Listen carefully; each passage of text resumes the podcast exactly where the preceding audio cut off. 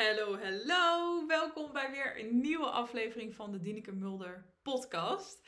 Superleuk dat je weer luistert. Deze podcast is voor jou als je niet tevreden terugkijkt op je eerste bevalling en het daardoor een beetje of misschien wel behoorlijk tegenop ziet om weer te gaan bevallen. Binnenkort of in de toekomst natuurlijk.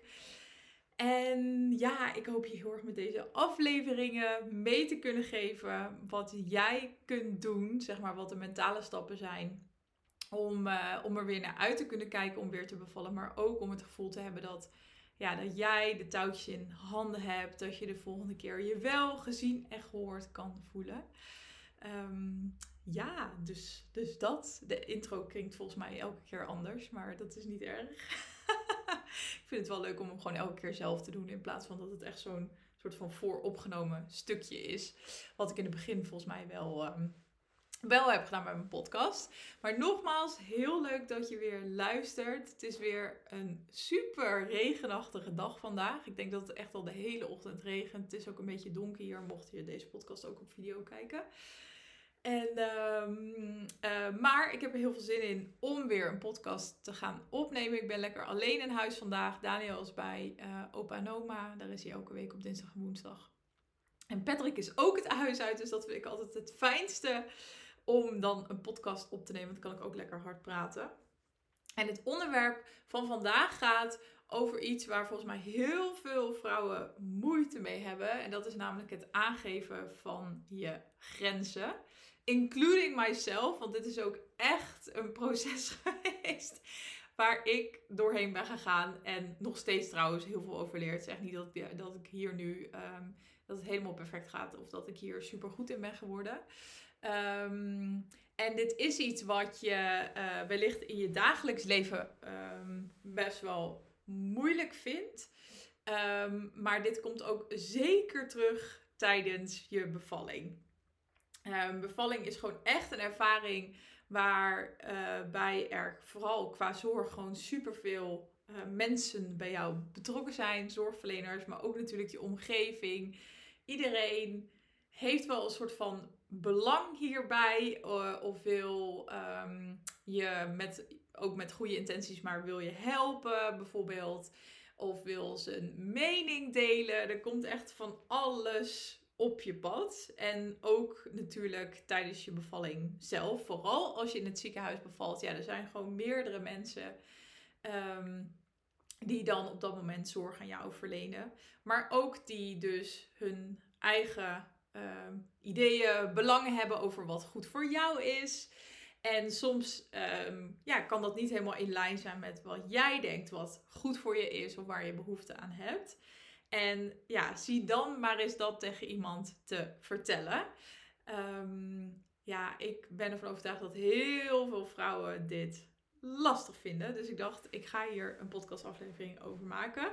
Aan de hand van een heel, uh, denk ik, typisch voorbeeld. En misschien ook heel erg herkenbaar. Ik was namelijk met een vriendin aan het kletsen. En zij vertelde dat ze met uh, iemand anders had afgesproken. Um, ja, niet echt een vriendin, maar een kennis. En ze zei, ja, eigenlijk heb ik er helemaal geen zin in. Want altijd als ik er ben, dan word ik een soort van als een praatpaal gebruikt. Dus um, ja, ik ben vooral vragen aan haar aan het stellen. Zij is eigenlijk alleen maar aan het praten. En um, ja, en ik voel me gewoon helemaal leeggezogen als ik bij haar ben geweest. Nou, ik denk dat we allemaal, denk ik, wel zo iemand in onze omgeving hebben. Wellicht. Misschien is er iemand die nu bij je naar boven plopt, als het ware. En, um, en aan de hand van dat gesprek, wat ik volgens met haar daarover had, dacht ik: oké, dit is echt, denk ik, heel uh, boeiend. Misschien wel heel waardevol om hier een podcast over op te nemen. Want ze zei, want ik vroeg ook aan haar, ik zei, oké, wat zou je het allerliefste willen? En toen zei ze, ja, ik zou eigenlijk gewoon deze ja, soort van vriendschap willen beëindigen. Ik heb helemaal geen zin meer om met haar af te spreken. En toen zei ik van, wat maakt dat je dat dus niet doet? Dat je er toch naartoe gaat. Het was echt toevallig een afspraak die dan twee dagen later stond. En daar hadden we het zo over. En uiteindelijk kwam ze uit, of kwam we een beetje uit op dat ze zei: Ja, ik ben best wel bang om dat die ander dan gekwetst is of zich afgewezen voelt. Um, dus daar hadden we het dus zo over.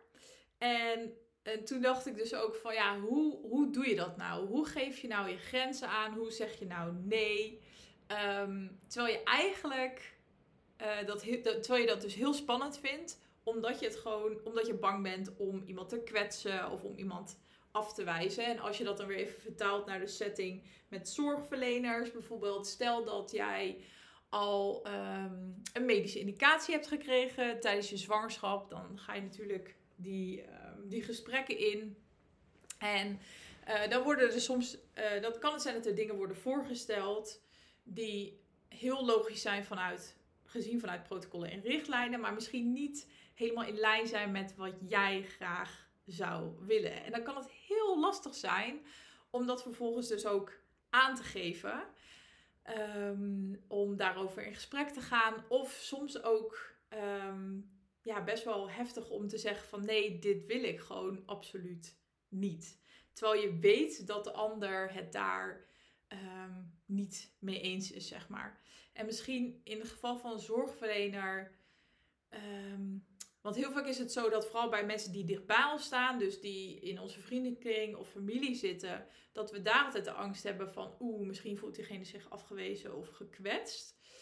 In het geval van zorgverleners um, is het denk ik, ook als ik naar mezelf kijk, vooral de angst dat je de, de, de, tussen haakjes de verkeerde keuze maakt. En dat volgens iemand denkt van, ja, dan had je maar naar mij moeten luisteren. Dat vind ik altijd een interessante. Dus dat je bang bent om de verkeerde keuze te maken en daar dan op aangesproken te worden.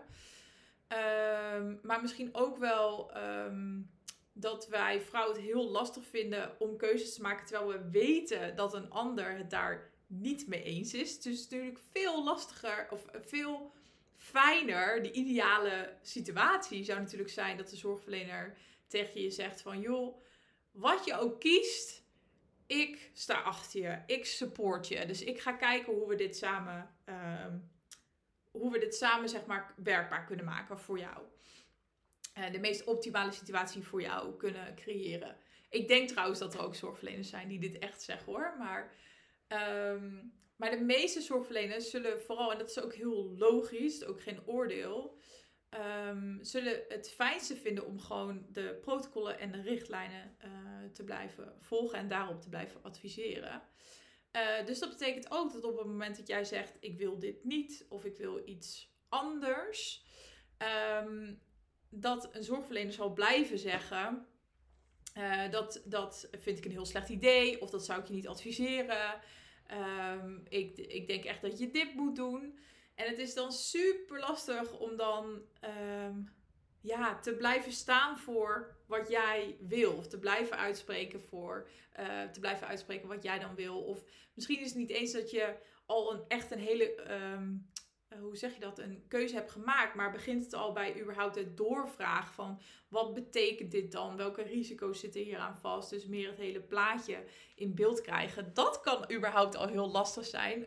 Vooral als je een beetje irritatie merkt bij de ander. Of dat de ander zoiets heeft van, dus de zorgverlener zoiets heeft van, ja, waarom luister je gewoon niet naar mijn advies? Waarom ben je zo kritisch?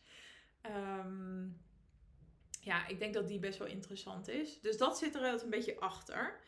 Dus um, dat is ook een hele fijne eerste stap, vind ik altijd. Om eens ofwel zelf of een hulp te krijgen van een ander. Dat hoeft niet per se een coach of weet ik veel wat te zijn. Het kan ook puur dus even met vriendin sparren. Om te, om te vragen van help mij eens even. Van wat, wat maakt nou dat ik het zo lastig vind om um, hier dus mijn grenzen in aan te geven of te blijven staan voor wat ik wil. En um, dus ga op zoek ook naar de oorzaak. Dus in dit geval, uh, het gesprek wat ik had met die vriendin van mij, kwamen we samen er een beetje op uit dat ja, de oorzaak vooral is dat zij het heel, dat ze een beetje de angst heeft, dat ze bang is om dan, als ze zich zou uitspreken en echt eerlijk zou zijn in de zin van, ja, ik uh, wil deze vriendschap eindigen, zeg maar, dat ze bang zou zijn om de ander te, te kwetsen of dat de ander zich afgewezen voelt, dus de ander af te wijzen. En ga ook ervaren, um, in plaats van jezelf direct te pushen. Want het interessante vind ik altijd dat ehm, de meeste mensen, dus als je dit gaat bespreken, is het eerste wat ze zeggen van, joh, geef je gewoon je grenzen aan, kom gewoon voor jezelf op. Dus eh, je moet gewoon voor jezelf kiezen. Dus er wordt eigenlijk ehm, wordt er een advies gegeven, wat ook nogmaals heel logisch is en meestal vanuit de hele positieve intentie. Maar meestal is het niet echt wat je nodig hebt, wat je op dat moment echt kan gebruiken, want daar ben je nog niet, zeg maar. Daar zitten een aantal stapjes tussen. Als jij je hele leven al moeite hebt met nee zeggen, met eerlijk zijn, echt eerlijk zijn tegen mensen, met je grenzen aangeven, dan helpt het niet als iemand tegen je zegt: geef gewoon je grenzen aan, want daar zitten dus daar ben je nog niet. Dus daar zitten nog heel veel stapjes tussen. En het is eigenlijk een veel te grote sprong om jezelf dus in één keer als het ware te dwingen om wel je grenzen aan te geven. Want wat er dan gebeurt, is dat jouw hele systeem zegt, je hele systeem wat is ingesteld op ehm, ik mag geen mensen kwetsen, bij wijze van spreken. Als jij dat, als jij vervolgens in één keer dus een vet grote stap neemt, zal je hele systeem in de weerstand staan en zou je daar dus super onveilig bij voelen om dat te gaan doen. Dus het helpt heel erg om dit in stapjes te gaan doen. En ehm, de eerste stap is dus ga op zoek naar de oorzaak. Dus wat maakt nou dat jij je in bepaalde situaties. En dat kan je dus doen door puur door te observeren, jezelf te observeren en te evalueren als het ware. Soms, um, klinkt misschien nog gek, maar soms schrijf ik situaties echt letterlijk uit achteraf. En daar dat geeft me heel veel inzicht. Ik vind het ook wel confronterend. Maar het geeft wel heel veel inzicht om ehm, dat af en toe eens te doen. Gewoon letterlijk situaties uit te schrijven waarvan jij denkt van... Hé, waarom vind ik dit nou zo ontzettend lastig? En er dus ook weer over te sparren met mensen die je vertrouwt in je, in je omgeving. Dus kunnen vriendinnen zijn of je moeder of je vader bijvoorbeeld. Dus ga op zoek naar de oorzaak. Maar ga ook tijdens dat observeren van jezelf. Op een gegeven moment, als je bepaalde dingen gaat herkennen, dan kan je dus ook in situaties jezelf gaan observeren en eigenlijk gaan ervaren in een situatie wat dat met je doet of wat bepaalde mensen met je doen. Dus stel je hebt ook zo iemand in je omgeving, iemand waarvan je denkt van, oh ja, ik heb er eigenlijk nooit zo zin in, want diegene trekt me helemaal leeg. Ga dan puur eens, als je weer met diegene uh, contact hebt of afspreekt bijvoorbeeld, ga dan eens gewoon eens ervaren in jezelf hoe jij je op dat moment voelt. Um, dus misschien voel je wel een soort van frustratie. Omdat je denkt van, oh, ik word hier echt als een soort van praatpaal gebruikt. En eh, ik krijg helemaal geen ruimte, zeg maar, eigenlijk voor mijn, om mijn eigen dingen te delen. En ik voel me gewoon heel erg leeggezogen. Dus ga dat gewoon eens observeren bij jezelf. Um, ja, dus de ervaring, dus wat voel jij op dat moment? En daarna gaat het ook over dat je de gevoelens, die daar eigenlijk dus bij horen, dus misschien wel boosheid, dat je die gaat toelaten in plaats van wegstoppen. Want heel vaak stoppen we de dingen weg uh, waarvan we denken, ja, dat, dat mag je niet voelen. Dus bijvoorbeeld die boosheid omdat iemand jou als praatbal gebruikt. Of ehm, misschien wel in het gesprek met zorgverleners dat je je niet begrepen voelt en dat je daar frustratie bij, bij voelt, bijvoorbeeld. Dus ga die gevoelens gewoon eens toelaten. En wat je vervolgens kunt gaan doen is, is het oefenen. Dus eigenlijk die kleine stapjes gaan nemen om te gaan oefenen met het uitspreken van je behoeftes. Het, het aangeven van je grenzen. Het nee zeggen.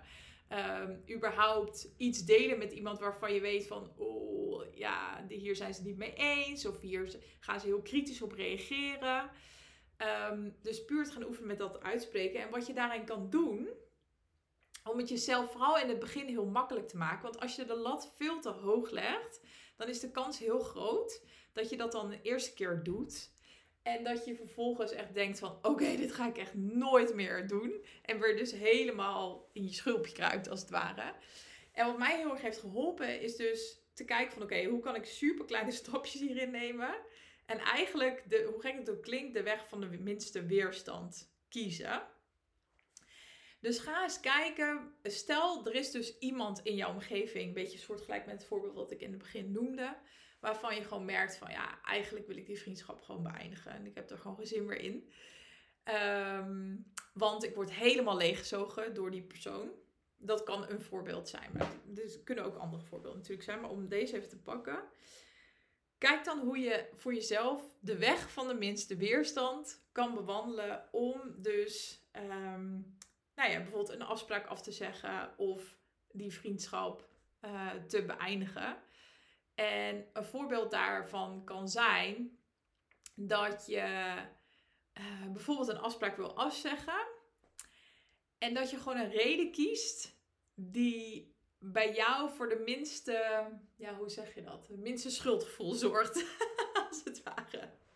Dus je kan bijvoorbeeld zeggen: Ja, ik voel me gewoon niet zo goed de laatste tijd. En ik merk uh, dat ik wat behoefte heb aan tijd voor mezelf. Dus voor de komende tijd wil ik gewoon um, even onze afspraken afzeggen. Weet je wel, ik noem maar wat. Dit is gewoon iets wat ik, wat ik heb bedacht.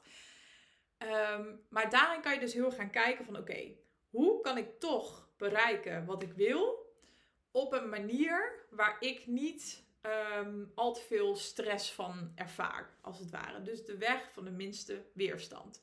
Hetzelfde kan je natuurlijk ook toepassen op uh, gesprekken die je hebt met zorgverleners, zelfs tijdens je bevalling. Uh, wat ik bijvoorbeeld al vaker heb genoemd, ook in deze podcast, is in gesprekken met zorgverleners. En dan bedoel ik nog even tijdens je zwangerschap. Uh, dat je bijvoorbeeld tijd gaat kopen voor jezelf. Dus dat je zegt aan het eind van het gesprek van oké, uh, we willen hier heel graag nog even over nadenken. Dus ik kom er later op terug. Dus dat je niet jezelf dwingt om in zo'n gesprek zelf al um, je keuzes te delen of keuzes te maken waardoor jij je heel erg onder druk gezet voelt. Um, maar dat je echt tijd voor jezelf inbouwt en rust inbouwt. Dat je gewoon zelf op een rustiger moment er even over kan nadenken. En vervolgens misschien telefonisch of per e-mail, zit ik even te denken, gaat aangeven wat je dan zou willen. In plaats van jezelf echt een soort van te dwingen om face-to-face dat tegen een zorgverlener bijvoorbeeld te zeggen. Kan ook zijn je verloskundige, verloskundige praktijk. Dus kijk hoe je daar kleine stapjes in kan zetten. En denk aan wat is voor mij op dit moment de weg van de minste weerstand. Want het fijne is als je die kleine stapjes zet. En je merkt van, oh, nou, het is eigenlijk helemaal niet zo eng om mijn keuzes uit te spreken, mijn grenzen aan te geven. Dan ga je daardoor dus vertrouwen opbouwen. En je gaat jezelf, je hele systeem als het ware leren. Het is wel veilig. Het is oké om dingen uit te spreken. Ook al heb ik het idee dat ik mensen kwets of mensen afwijs. Want dat is natuurlijk de. Uh, dat is altijd een beetje de illusie waar we, waar we dan intrappen. We hebben het gevoel van: oké, zolang ik maar gewoon een beetje eromheen ga en niet te veel um, dingen uitspreek, dan, uh, dan vermijd ik dus ook het risico van uh, dat iemand zich gekwetst voelt of dat iemand zich afgewezen voelt. Alleen dat is natuurlijk onmogelijk. Het is onmogelijk om um, zeg maar, om altijd 100% alles te doen zodat een ander zich niet gekwetst of afgewezen voelt. Want dat is namelijk out of your control. Jij hebt geen enkele controle over hoe iemand anders zich voelt. Je kan nog zo hard je best doen om dingen heel uh, positief te brengen, bijvoorbeeld de weg van de minste weerstand te kiezen. Maar uiteindelijk uh, ligt het volledig aan de ander hoe hij of zij zoiets opvat. En door constant te proberen om die situatie zelf uit de weg te gaan, beperk je jezelf ook heel erg. Uh, en dat is zo jammer, want het is dus aan de ene kant een illusie die je nastreeft. Het bestaat niet dat nooit iemand zich gekwetst of afgewezen gaat voelen. Maar je zorgt er aan de andere kant door die illusie na te streven, er dus constant voor dat jij je bijvoorbeeld opoffert voor een ander. Of dat je uiteindelijk akkoord gaat met iets wat je eigenlijk helemaal niet wilde. Um, dus daarom is het zo belangrijk om dat te gaan doorbreken. En dus door jezelf stapje voor stapje te gaan leren. Het is oké als ik mijn grenzen aangeef. Het is ook oké als mensen zich daardoor gekwetst voelden of afgewezen. Want daar ben ik niet verantwoordelijk voor. De ander, iedereen is verantwoordelijk voor zijn of haar eigen gevoelens. Um, en niet de ander voor die van jou of jij voor die van de ander. En als je dit dus gaat oefenen, zal je meer vertrouwen krijgen in jezelf. Dus als je dit in hele kleine stapjes gaat doen, um, waardoor het gewoon uiteindelijk steeds makkelijker wordt. Um, en je ook veel fijner, denk ik, kan terugkijken op keuzes die je hebt gemaakt. En veel meer kan gaan kiezen ook wat jij wil, wat voor jou goed werkt. Ehm, en dit gaat je gewoon ontzettend helpen in de voorbereiding op je tweede bevalling. En ik denk ook tijdens je tweede bevalling. Dus ik hoop dat je hier weer iets aan hebt gehad. Uh, superleuk dat je weer luisterde. Laat me weten via DM op Instagram wat je uit deze podcastaflevering hebt gehaald. Uh, überhaupt of je het waardevol vindt om naar mijn podcast te luisteren. Um, het helpt ook heel erg als je mijn podcast deelt met andere vrouwen. Dus mocht er iemand in je omgeving zijn, een vriendin, een buurvrouw, een zus, waarvan je weet, oeh, zij kijkt ook niet helemaal tevreden terug op haar eerste bevallingservaring en ze zou hier wel iets aan kunnen hebben, deel het dan met haar, want dat is ook de manier waarop deze podcast gaat groeien. De podcast wordt gedeeld, uh, dus daar maak je mij heel blij mee. En uh, ik zou zeggen, een hele fijne dag en tot de volgende aflevering.